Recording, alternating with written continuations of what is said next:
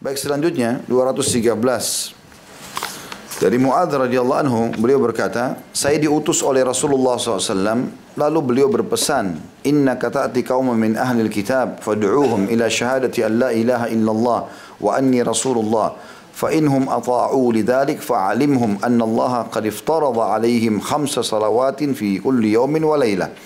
فإنهم inhum لذلك فعلمهم أن الله قد افترض عليهم صدقة تؤخذ tu'khadu atau sadaqatan tu'khadu min agniyaihim faturaddu ala fuqaraihim fa inhum ata'u lidzalik fa iyyaka wa karami wa karaima amwalihim wattaqi da'watal madlum Sesungguhnya kamu akan mendatangi satu kaum dari ahli kitab. Jadi Muadz bin Jabal ini adalah salah satu sahabat yang sangat mahir dalam memahami Al-Quran dan juga mengambil ilmu hadis dari Nabi SAW. Maka ada dua yang sering Nabi utus untuk menjadi dai di wilayah-wilayah baru, yaitu Musab bin Umair dan juga Muadz bin Jabal. Musab bin Umair diutus ke Madinah, Muadz bin Jabal diutus ke Yaman. Maka Nabi wasiatkan sebelum dia berangkat, sesungguhnya kau hai Muadz akan mendatangi satu kaum dari ahli kitab di, di, di, di Yaman itu mayoritasnya orang Yahudi pada saat itu. Ada sebagian kecil Nasrani. Mereka ahli kitab. Ya. Maka ajaklah mereka supaya mereka bersyahadat bahwa tidak ada Tuhan yang berhak disembah kecuali Allah dan bahwa aku adalah utusan Allah. Sampai sini dikasih angka satu di atasnya. Nanti supaya kita jelaskan maknanya. Jadi perintah Nabi SAW yang pertama adalah supaya syahadat. Ya. Kemudian setelah itu bahwa Allah mewajibkan kepada mereka solat lima waktu sehari semalam. Ini yang kedua. Jika mereka mentaati hal itu, mereka syahadat, mereka juga solat, maka beritahukan kepada mereka bahwa Allah mewajibkan zakat kepada mereka. Ini juga dikasih angka tiga. Rukun Islam yang diambil dari orang-orang kaya dari mereka lalu dikembalikan kepada orang fakir atau orang miskin mereka. Apabila mereka mentaati hal itu maka jauhilah harta mereka yang berharga. Dan takutlah terhadap dua orang yang terzalimi. Jadi ini ada dikasih angka empat di situ. Jauhilah harta mereka yang berharga. Dikasih angka kelima, setelah itu takutlah terhadap dua orang yang teraniaya. Karena antara doa itu dengan Allah tidak ada penghalang apa pun. Ada putuan nomor 230 di bawah. Kamu jangan berbuat zalim maknanya ya. Supaya orang-orang yang terzalimi tidak berdoa jelek atasmu, tidak berdoa jelek atasmu. Karena doanya akan dikabulkan oleh Allah. Baik, kita ambil pelajaran dari hadis ini. Yang pertama adalah bagaimana dianjurkan setiap pemerintah resmi kaum muslimin ataupun para ulama yang sudah punya murid-murid yang baik mengutus para dai ke wilayah-wilayah untuk didakwahi. Jadi ada eh, kadang-kadang uh, wilayah yang dai itu didatangi. Ada beberapa wilayah dainya yang datang ke sana. Termasuk perbuatan Nabi SAW yang beliau selalu lakukan adalah mengutus para dai-dai. Ya, walaupun ada sebagian dai-dai Nabi SAW yang sempat dibunuh dan dikhianati oleh beberapa suku yang pura-pura Islam gitu kan. Tapi mengirim dai ini sangat penting. Maksud dalamnya juga kalau teman-teman bisa membiayai dai-dai itu ya, guru-guru, guru ngaji, para para penceramah, pergi ke Irian, pergi ke mana pelosok-pelosok Kalimantan sana mendakwahi, biayai mereka. Karena bisa saja mereka atau di tangannya lah masuk Islam banyak orang, gitu kan. Saya pernah, uh, kami pernah membentuk forum pengiriman dai ke Irian itu tahun 2003. Ya, betul itu bentuk. Kemudian teman-teman mengamanahkan saya, saya menjadi ketuanya secara nasional. Kemudian kami, saya coba ke sana, survei beberapa lokasi, terus saya ambil informasi lengkap tentang berapa jumlah penduduk segala macam di beberapa kota, desa lah ya. Sampai harus naik pesawat twin otter yang kecil turun di sebelah sungai, kemudian naik speedboat, kadang-kadang naik lombut, orang sana bilang kapal-kapal kayu masuk 8 jam, 9 jam ke dalam hutan. Intinya sempat kami turunkan waktu itu 6 orang dai di beberapa titik. Salah satu dai itu sampai sekarang ada dua orang sampai sekarang masih tinggal di sana. Salah satunya tinggal di daerah Fak-Fak dan sudah apa menikah sama orang sana. Dia pernah telepon saya subhanallah. Dan saya sampaikan kepada teman-teman forum waktu itu. Bilang Ustaz tolong doakan ya. Sebentar lagi habis sholat ini saya akan nyebrang satu kampung. Ada ratusan orang di satu suku itu mau syahadat semua. Ya. Padahal dai ini subhanallah pada saat itu ya tahun 2003 dana yang disiapin itu sekitar satu juta setengah biayanya untuk dia hidup di sana. Bukan dana yang besar gitu. Tapi berapa banyak orang yang masuk Islam di tangannya? Berapa banyak orang yang sudah belajar agama di tangan dia? Maka itu termasuk hal yang sangat baik. Ya, itu antara lain juga tentu memberikan mendirikan lembaga-lembaga pendidikan ya. Dan bagi teman-teman yang punya lembaga pendidikan harus berpikir jauhi hal-hal yang boleh dapat keuntungan tapi jangan jadikan komersial. Sehingga akhirnya tidak lagi fokus untuk menyebarkan agama Allah Subhanahu wa taala. Tapi fokusnya bagaimana naik harganya, naik nilainya, naik ininya, naik itunya. Padahal sebenarnya dia sudah cukup gitu. Ada satu orang namanya Solah, seingat saya dokter orang ini. Orang ini tinggal di satu perkampungan di Mesir. Itu waktu dia meninggal, hampir satu kota itu semua hadir jenazahnya. Satu jutaan orang. Macet jalan-jalan. Siapa orang ini? 10 tahun sebelum dia meninggal, dia sempat kumpul. Dia peduli ingin munculkan kepeduliannya kayaknya kita perlu uh, buat kegiatan sosial nih. Dia peduli dan dia mau cari orang yang sejiwa dengan dia cari-cari kerabatnya, temannya, pokoknya sulit sekali. Dan dia niat ingin mengumpulkan 10 orang. Jadi 10 ini saling menopang satu sama yang. Pokoknya ini ada proyek ini, udah langsung keluar uangnya, nggak pakai perhitungan. Memang orangnya sudah punya jiwa dermawan.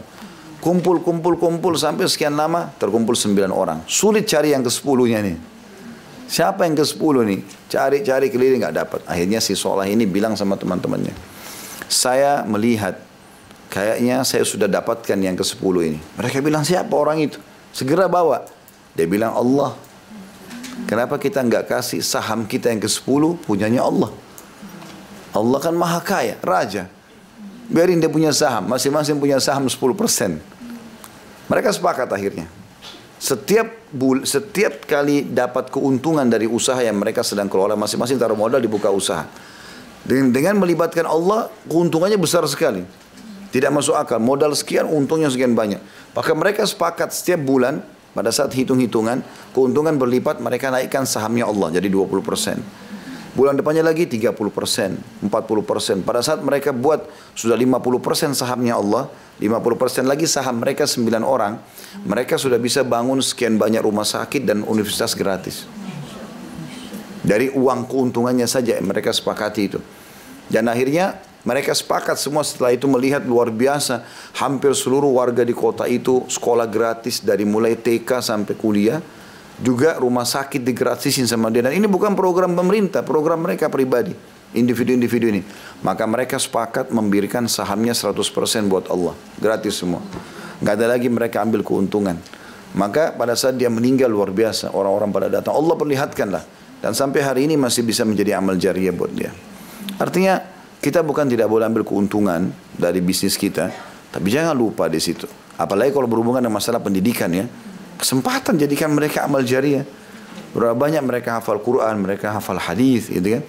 Yang penting alhamdulillah bisa berjalan. Ya, sebagai itu sebagian orang pernah ada orang bahasakan ke saya Ustaz, saya mau sekolah sunnah, saya mau sekolah baik, tapi mahalnya luar biasa. Jadi nggak bisa apa boleh ya hanya anak saya sekolah di ganggang dekat rumah. Kenapa nggak dibuka gitu? Contoh saja. Kemudian selanjutnya Nabi SAW mewasiatkan kepada Mu'ad kau akan datangi satu kaum Mesir di Yaman nanti ahli kitab. Siapa ahli kitab? Yahudi dan Nasrani. Ya. Dan istilah ini akan melekat sama mereka sampai menjelang hari kiamat nanti. Ada sebagian orang mengatakan tidak ada lagi ahli kitab zaman sekarang. Dari mana ini? Dari zaman dulu, ya.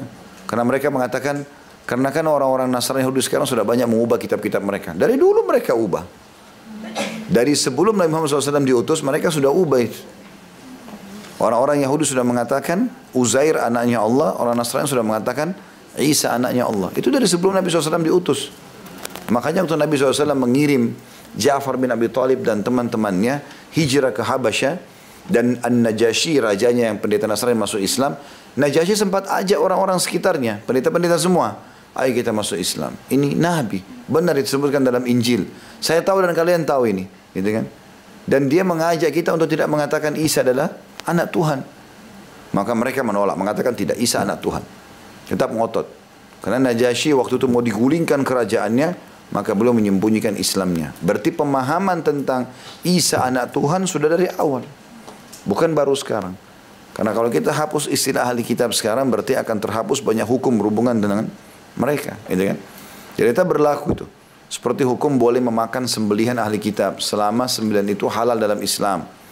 Misalnya bapak ibu pergi ke Amerika nggak ada restoran kecuali punya Nasrani atau Yahudi boleh kita makan sembelihannya. Baca Bismillah makan. Karena ini dalam surah Al-Maidah surah 5 berlaku itu. Sebagaimana boleh laki-laki muslim menikah dengan wanita ahli kitab berlaku hukumnya. Walaupun lebih baik dia prioritaskan wanita muslimah. Tapi secara hukum syar'i boleh. Gitu kan. Ini berlaku. Selama mereka masih ada. Baik, yang pertama diajak. Kalau ada ahli kitab adalah syahadat. Ajaklah mereka. Supaya mereka mengikrarkan tidak ada Tuhan yang berhak disembah kecuali Allah. Dan Muhammad adalah utusan Allah. Ya. Ini yang paling pertama didakwahi kepada orang-orang ahli kitab. Ya. Dan tentu yang paling penting digarisbawahi karena mereka mengakui Allah itu ada. Hanya kalimat la ilaha illallah ini mereka langgar. Karena mereka mengatakan, Yahudi mengatakan Uzair anak Allah, Nasrani mengatakan Isa anak Allah. Dan Allah mengatakan dalam surah Al-Ikhlas, Lam yalid wa lam yulad. Allah tidak diperanakkan, tidak beranak dan tidak diperanakkan. Gitu kan? Tidak boleh kita mengatakan Allah punya anak. Allah itu zat yang maha kuat, maha adil, maha esa, tunggal. Ya, dan tidak butuh kepada siapa pun. As-samad walam yakul lahu kufuwan ahad. As-samad itu yang semua bergantung padanya, walam yakul lahu kufuwan ahad yang semua segala sesuatu dan dia tidak butuh kepada siapa pun atau apa pun. Ya.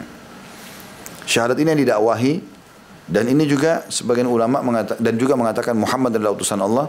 Sebagian ulama mengatakan ini termasuk awal yang paling penting diajarkan kepada generasi muda Islam. Syahadat dulu. Bagaimana mereka memahami la ilaha illallah yakin muncul dalam hatinya ada Tuhan Allah, kemudian mereka mengesahkannya, patuh kepada perintahnya dan juga meninggalkan larangannya. Lalu juga mereka tidak buat syirik, ya, menyekutukan Allah, kekufuran, kemaksiatan. Kemudian Muhammad Rasulullah pelajari siapa Nabi Muhammad sallallahu alaihi wasallam dari sirah beliau, ya, apa pun yang disampaikan, perintah-perintahnya, larangannya. Kemudian kata Nabi SAW, kalau mereka sudah taat padamu, sudah syahadat, sudah jelas kepada mereka makna syahadat itu, baru suruh mereka sholat.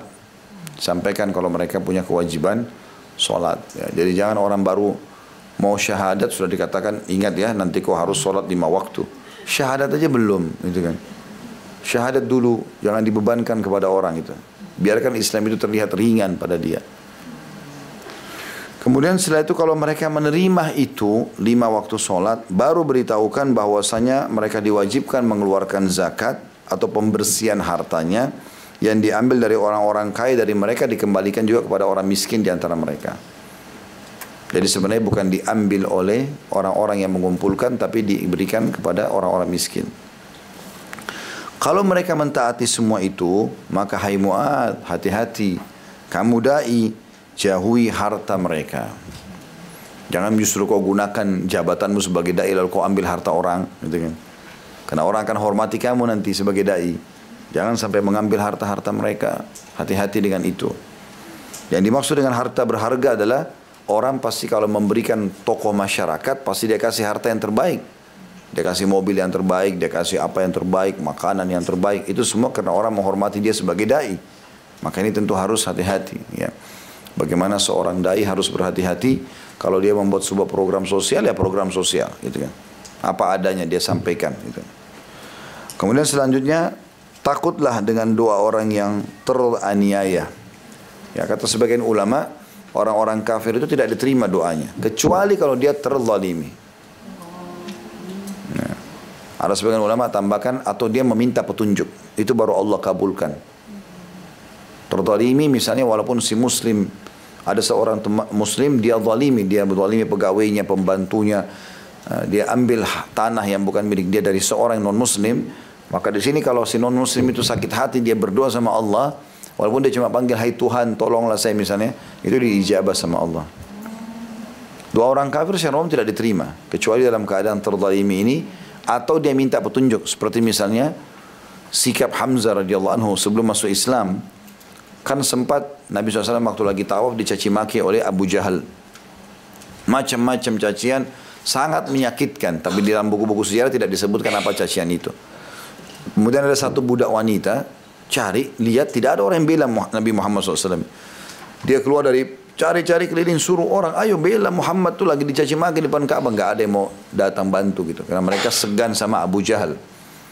Maka Nabi SAW juga diam. Dia keluar, dia temui Hamzah. Hamzah habis berburu singa. Waktu itu masih dalam keadaan kafir. Ya fisiknya sangat kuat, dia selalu berburu singa gitu. Maka waktu dia masuk di pintu gerbang kata budak wanita ini, Hai Hamzah, apa kau tidak tolong ponakanmu? Sesungguhnya Abu Hakam atau Abu Jahal telah mencaci makinya dan tidak pernah ada cacian sekuat, sekeras itu. Maka dia Hamzah mengatakan, tidak ada yang membelanya. Kata mereka tidak, kata dia tidak ada. Maka langsung Hamzah menuju ke dekat Ka'bah, tanpa banyak bicara, dia langsung lepaskan busur panah yang dia taruh di pundaknya lalu dipukulkan di kepala Abu Jahal. Dan sempat sobek bagian kepalanya keluar darah dan jatuh. So, beberapa sukunya mau bela, Hamzah siap menghadapi. Lalu Hamzah mengatakan, apakah kau berani memukul ponakanku sementara aku dalam agamanya? Kalimat ini ya, apakah kau berani memukul ponakanku sementara aku dalam agamanya? Padahal Hamzah belum masuk Islam. Maka akhirnya orang semua tidak ada yang berani ganggu Hamzah dan mereka tangkapnya Hamzah sudah masuk Islam. Maka Hamzah pun dalam buku buku dikatakan pulang ke rumahnya pikir kalimat itu. Kok saya bilang saya dalam agamanya Muhammad padahal tidak. Sekarang serba salah, dia tokoh masyarakat. Apakah saya kembali bilang tadi salah tuh? Atau memang apa yang harus saya lakukan? Maka dia berdoa. Dia mengatakan, Ya Allah, karena orang Mekah dulu yakin Ka'bah rumahnya Allah. Cuma mereka kan syirik. Mempartnerkan Allah sama patung-patung itu kan. Maka dia mengatakan, Ya Allah, kalau seandainya agamanya Muhammad ini benar, bukalah hatiku. Maka keesokan paginya dia bangun dalam kondisi lapang dada dia syahadat. Tapi di sini dia kan dalam kondisi kafir mohon petunjuk kan. Dan Allah kasih. Kalau dia minta petunjuk, dikasih oleh Allah Subhanahu wa taala. Kemudian dikatakan oleh Nabi SAW, ingatlah orang yang terzalimi tidak ada hijab antara dia dengan Allah. Jadi pasti diijabah. Saya kan pernah terzalimi Ustaz, sudah doa bolak-balik enggak diijabah sama Allah. Dari mana Bapak Ibu tahu tidak diijabah? Oh dia masih sehat, belum tentu. Mungkin zahirnya. Kita enggak pernah tahu itu. Pernah di Saudi begitu ada kejadian di rumah sakit satu rumah sakit, orang itu rupanya setiap kali dia lagi mau makan atau mau minum atau mau dimasukin obat di tubuhnya pasti dia kesakitan teriak satu rumah sakit. Kesakitan sampai ada satu dai datang ke sana dengar histerik teriakan itu lalu dia mengatakan, "Ada apa ini?" ditanya dokternya. Bilang orang ini setiap kali mau makan, mau minum selalu begini. Kita mau suntik pun kasih obat selalu teriak-teriak, kesakitan. Mau makan sakit, bayangkan aja. Kan tidak masuk di akal itu. Soalnya tidak normal nih. Maka kemudian ditanyalah ya pada saat itu uh, da ini datang tanya ada apa dengan kamu sebenarnya? Yang terjadi pada kamu ini tidak normal. Dia bilang, dia, orang ini saking kesakitan nggak bisa ngomong, dia minta kertas sama pulpen ditulis sama dia, nomor telepon sama nama orang. Terus da ini telepon, Assalamualaikum warahmatullahi wabarakatuh. Terus mereka, si da ini bilang, apakah kalian kenal si Fulan? Ini namanya orang yang sakit ini. Tiba-tiba kata Sida ini orang yang terima telepon dia bilang iya dengan emosi, marah. Kenapa dia? Ada masalah apa sama kalian? Dia bilang orang itu setiap hari kami doakan supaya Allah hukum karena dia telah berbuat zalim mengambil harta kami. Dan sudah sekian lama kami tidak tahu beritanya bagaimana. Jadi rupanya orang yang berdoa tidak tahu apa yang terjadi. Orang ini sudah kesakitan di rumah sakit gitu. Makanya Sida itu mengatakan, ketahuilah dia sekarang lagi tersiksa di rumah sakit, maka harap keridoannya dan maafkan saja. Kalau ada hak kalian apa, sampaikan saja. Seperti itulah. Tapi saksi bahasan kita, kita nggak pernah tahu orang yang sedang kita doakan sedang dihukum bagaimana dengan Allah. Kita nggak tahu. Jangan lihat fisiknya saja, mungkin di belakang banyak hal yang terjadi. Kan itu. Allah lebih tahu. Kalau seandainya ada di antara kita terzalimi, kemudian dia sabar, dia mau nerima sebagai sebuah cobaan, itu jauh lebih baik. Kalau dia mau balas juga hak dia. Tapi kalau dia bersabar jauh lebih baik. Renungi hadis Nabi SAW pernah saya sampaikan, saya ingatkan lagi. Kalau seseorang mendalimi orang lain, misalnya si A sama si B. Si A mendalimi si B. Kalau si B membalas di dunia, maka Allah akan pertemukan tadi dua orang ini, si A sama si B ini di akhirat. Lalu Allah lihat kadar kezaliman si A dengan kadar balasan si B. Kalau berimbang, misalnya dia digibah, ini juga balas gibah. Ini difitnah juga balas fitnah. Ini dipukul, ini juga balas pukul. Allah nilai. Kalau sama, maka berarti si B tidak punya hak lagi dari si A. Di akhirat. Impas sudah. Kalau ternyata kezaliman si A lebih tinggi, misalnya bobot dosanya seribu, yang dibalas baru 500. Maka Allah akan berikan dia dari pahala si A sesuai dengan kadar yang kurang saja. Tapi kalau sebaliknya ini yang bahaya nih. Kalau seandainya si B yang ini membalas lebih besar daripada perbuatan si perbuat kezaliman si A, maka akan diambil pahala dia dikasih kepada orang yang zalimi dia. Misal gini, ada orang digibah, digunjing ya, atau difitnah, dia balas dengan dibunuh orang itu. Kan berarti pembunuhan ini lebih besar daripada ini gitu loh. Ini kadarnya lebih berat. Maka ini bisa berbahaya buat dia. Justru dia akan diambil pahalanya dikasih ke orang tersebut. Mahkamahnya Allah adil hari kiamat. Makanya teman-teman terima pahala hari kiamat. Ada orang yang gibah senyum. Alhamdulillah. Pahala solatnya siap saya ambil. Oh pahala puasanya. Oh pahala hajinya. Bagus. Ya. Makanya kalau ada orang-orang berbuat zalim bilang saja sudah banyak nggak pahalanya. Kalau siap tidak apa-apa. Mungkin amal kita sedikit, dan dia kasih kan jadi banyak gitu kan. Lalu Ustaz kalau dia amalnya sedikit, dia penjahat, dosa kita dikasih ke dia. Yang kita pernah buat dosa, do dibabani sama dia. Ya Allah dosa ini aja deh kasih ke dia. kasih dosa zina, kasih dosa ini, kasih dosa itu. Maka dihukumlah dia. Seperti itu.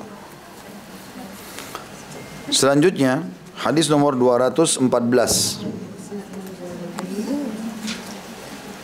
Dari Abu Humaid Abdurrahman bin Sa'ad As-Sa'idi radhiyallahu anhu beliau berkata, "Ista'mala an-nabiy sallallahu alaihi wasallam rajulan min al-azd min al-azdi yuqalu lahu ibn al-lutbiyyah ala as-sadaqah.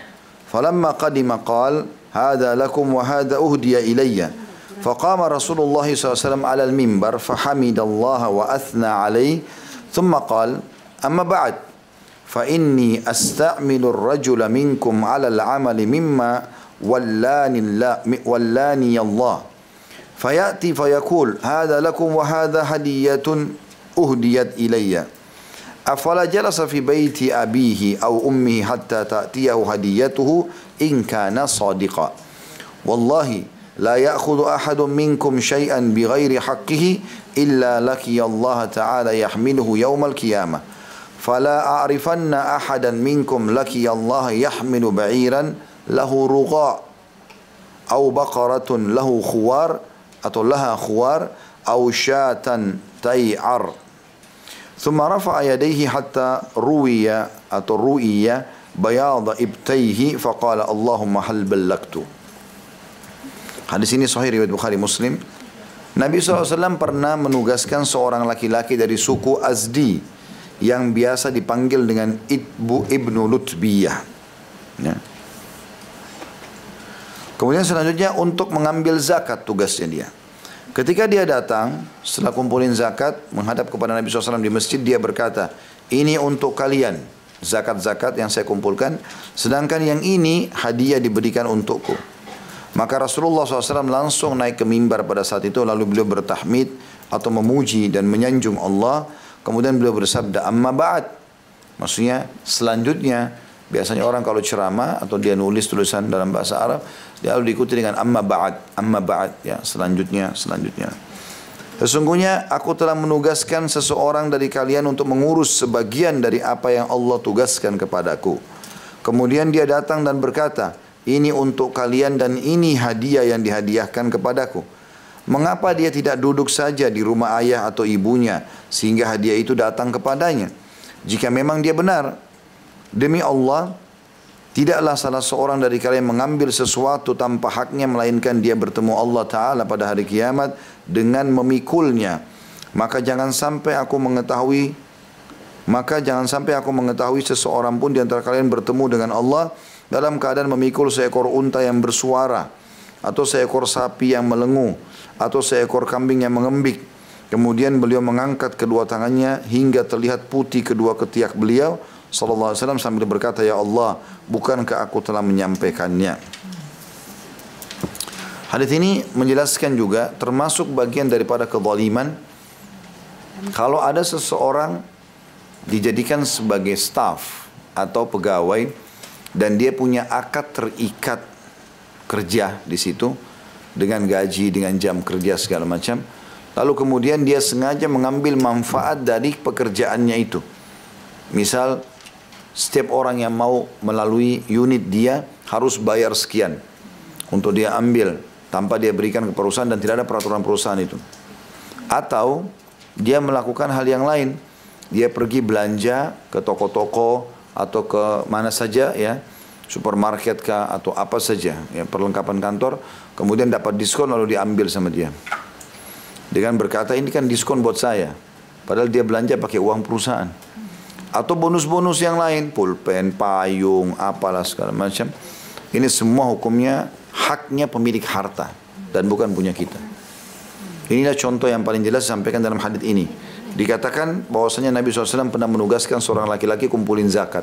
Dia mutar di semua wilayah. Rupanya orang kena tahu dia utusan Rasulullah. Orang kasih dia duit. Kasih duit ini buat kamu, ini buat kamu. Sebenarnya orangnya jujur. Begitu pulang ke masjid di Madinah, dia bisa, ya Rasulullah, ini ini zakat kalian, ini hadiah saya dikasih. Dia nggak langsung ambil, tapi dia transparan. Ini memang yang saya dikasih oleh orang-orang. Maka Nabi SAW langsung naik ke atas mimbar lalu berkata, Kenapa ada orang yang saya tugaskan kumpulin zakat, lalu dia bilang ini zakat kalian, ini bagian buat saya. Coba dia duduk di rumahnya, sampai nggak hadiah buat dia itu. Kalau dia nggak kerja, sampai nggak? Tentu saja tidak. Kalau memang dia jujur, memang itu punya dia, ya itu memang dia merasa dia punya hak, maka coba dia tidak bertugas zakat ini, apakah dia akan dapat? Tidak. Sama dengan kita, misalnya tidak bawa duit perusahaan, tidak pakai baju perusahaan, apakah dapat diskon itu?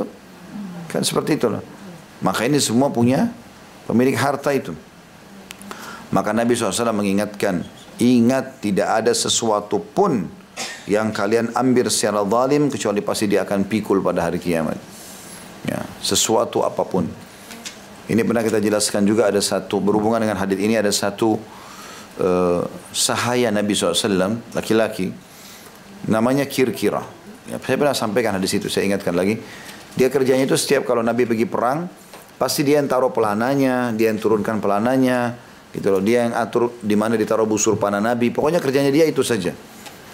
Maka satu waktu, waktu perang pulang dari eh, selesai perang Khaybar, Nabi SAW mau beranjak, ternyata dia Nabi sudah turun dari kuda, dia lagi ngatur pelanah Nabi, mau diturunin juga, ada anak panah nyasar dari orang Yahudi, terus kena dia mati.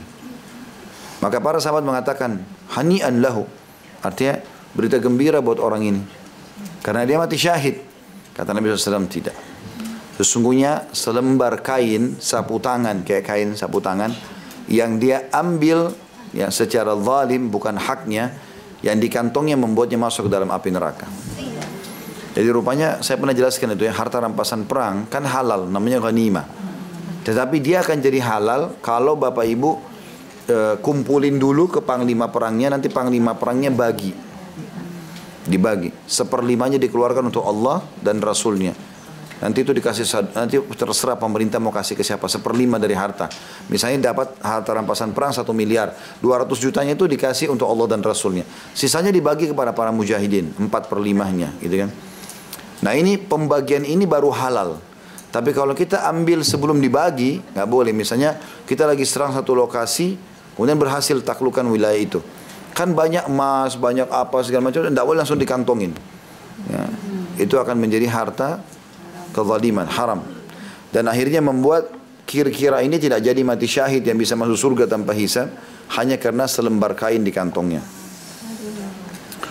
Baik, jadi pelajaran daripada hadis ini penting sekali bagaimana seseorang itu kalau dia bertugas ya untuk menjalankan sebuah tugas dan punya akad dalam tugas itu maka dia tidak boleh melanggarnya ya. semua dikembalikan kepada pemilik harta kecuali dia belanja sendiri. Bapak ibu punya uang datang ke satu supermarket atau toko beli dapat diskon itu hak anda. Silakan secara pribadi. Tapi kalau kapan bawa label atau bendera perusahaan dan punya akad maka tidak boleh sama sekali. Maka itu akan menjadi sumber yang haram ya.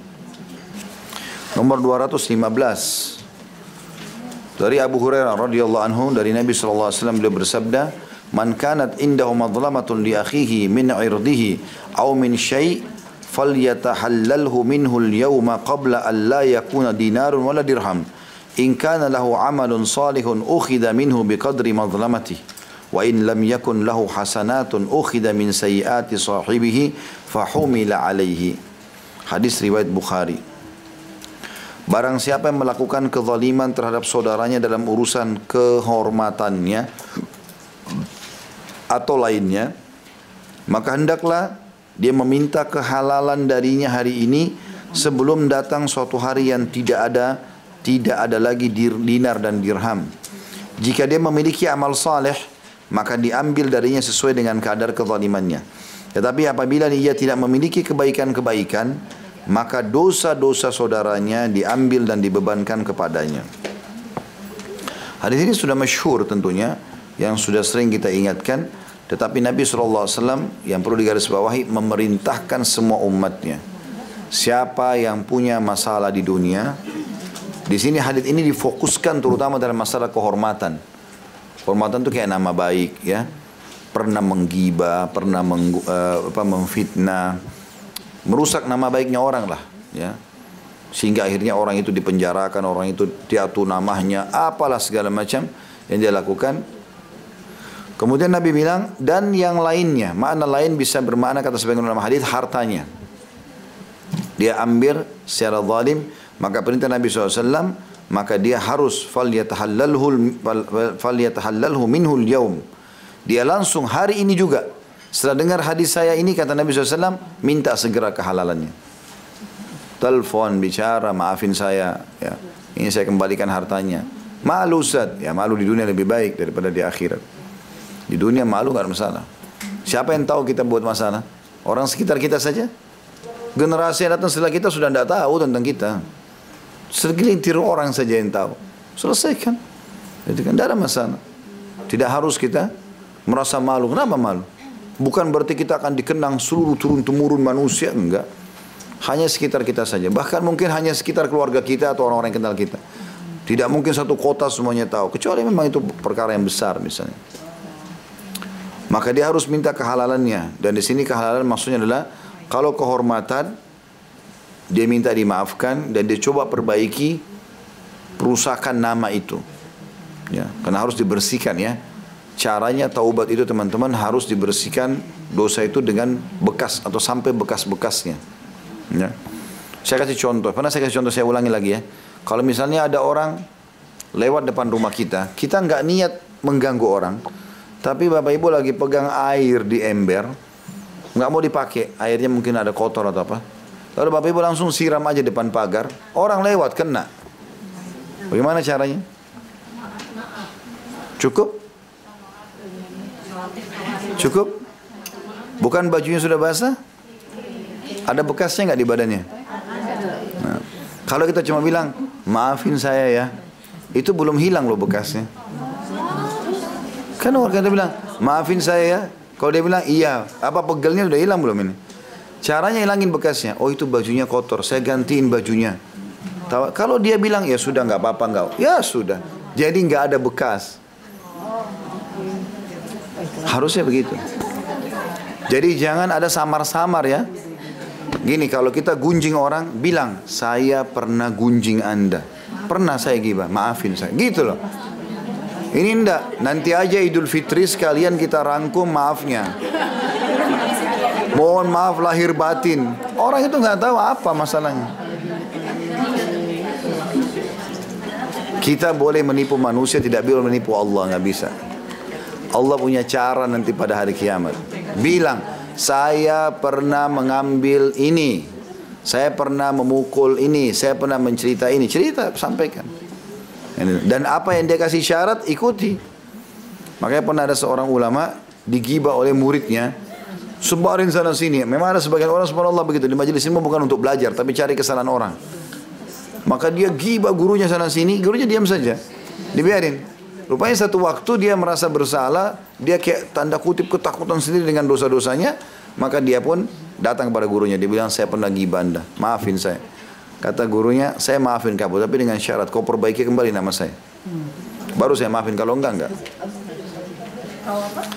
Kita harus kita harus tahu ya teman-teman, kalau kita tinggalkan sesuatu yang haram, ya Allah akan jaga kita dan penjagaan Allah ini luar biasa. Selama itu tidak boleh jangan sudah, tidak usah disentuh, haram-haram. Dan kalau kita tinggalkan karena haram, Allah akan basi kita balasan sesuai dengan kadar niat kita.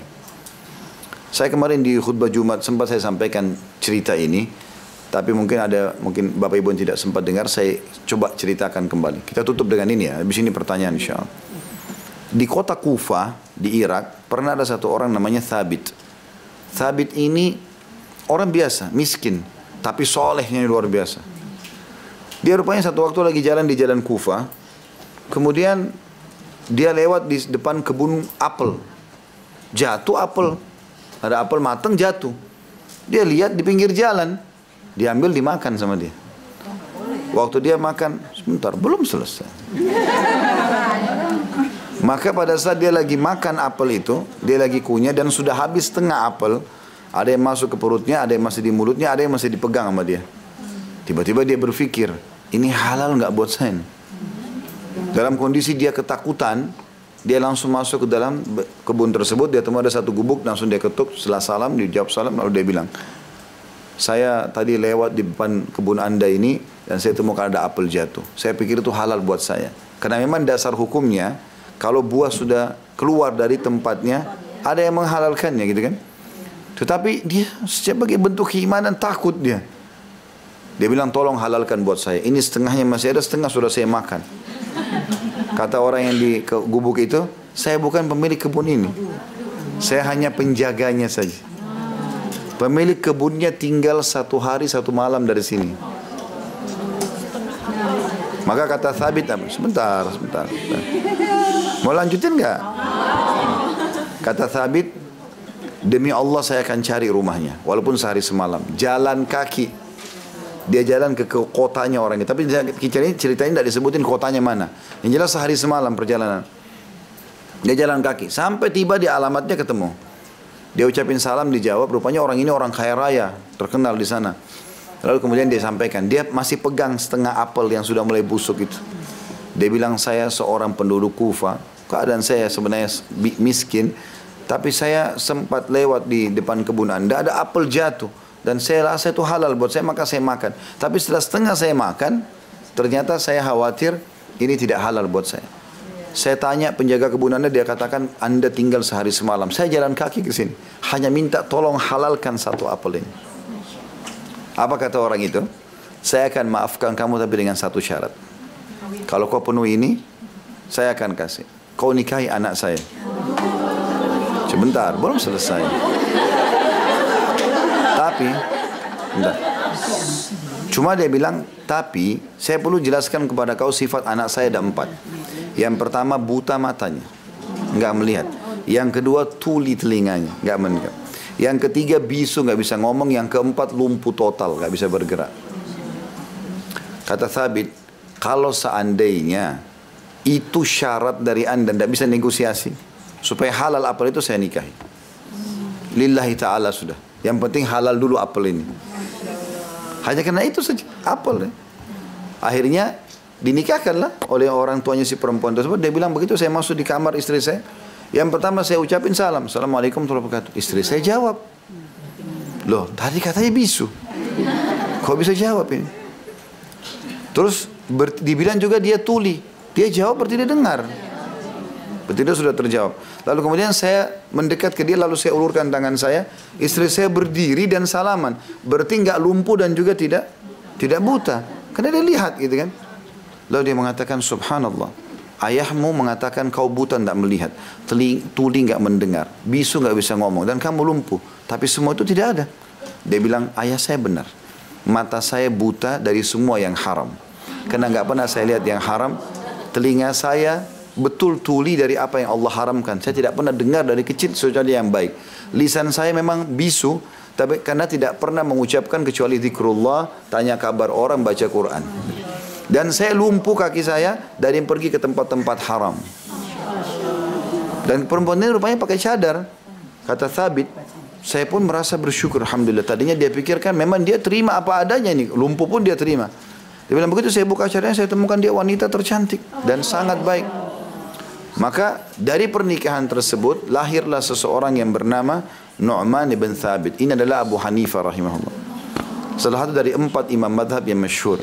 Seluruh Turki, seluruh Eropa, seluruh India dan Pakistan pakai madhabnya di jutaan orang. Bukankah Abu Hanifah lahir dari seorang ayah pemilik sperma yang tinggalkan apel haram tadi? Gara-gara itu Allah berkahi semuanya. Jadi meninggalkan yang haram itu luar biasa. Ya, manfaatnya besar. Jangan ambil yang bukan hak kita. Allahu a'lam. Baik begitu saja sudah setengah 12 mudah-mudahan bermanfaat. Subhanakallahumma bihamdika asyhadu an la ilaha illa anta astaghfiruka wa atubu ilaik. Wassalamualaikum warahmatullahi wabarakatuh.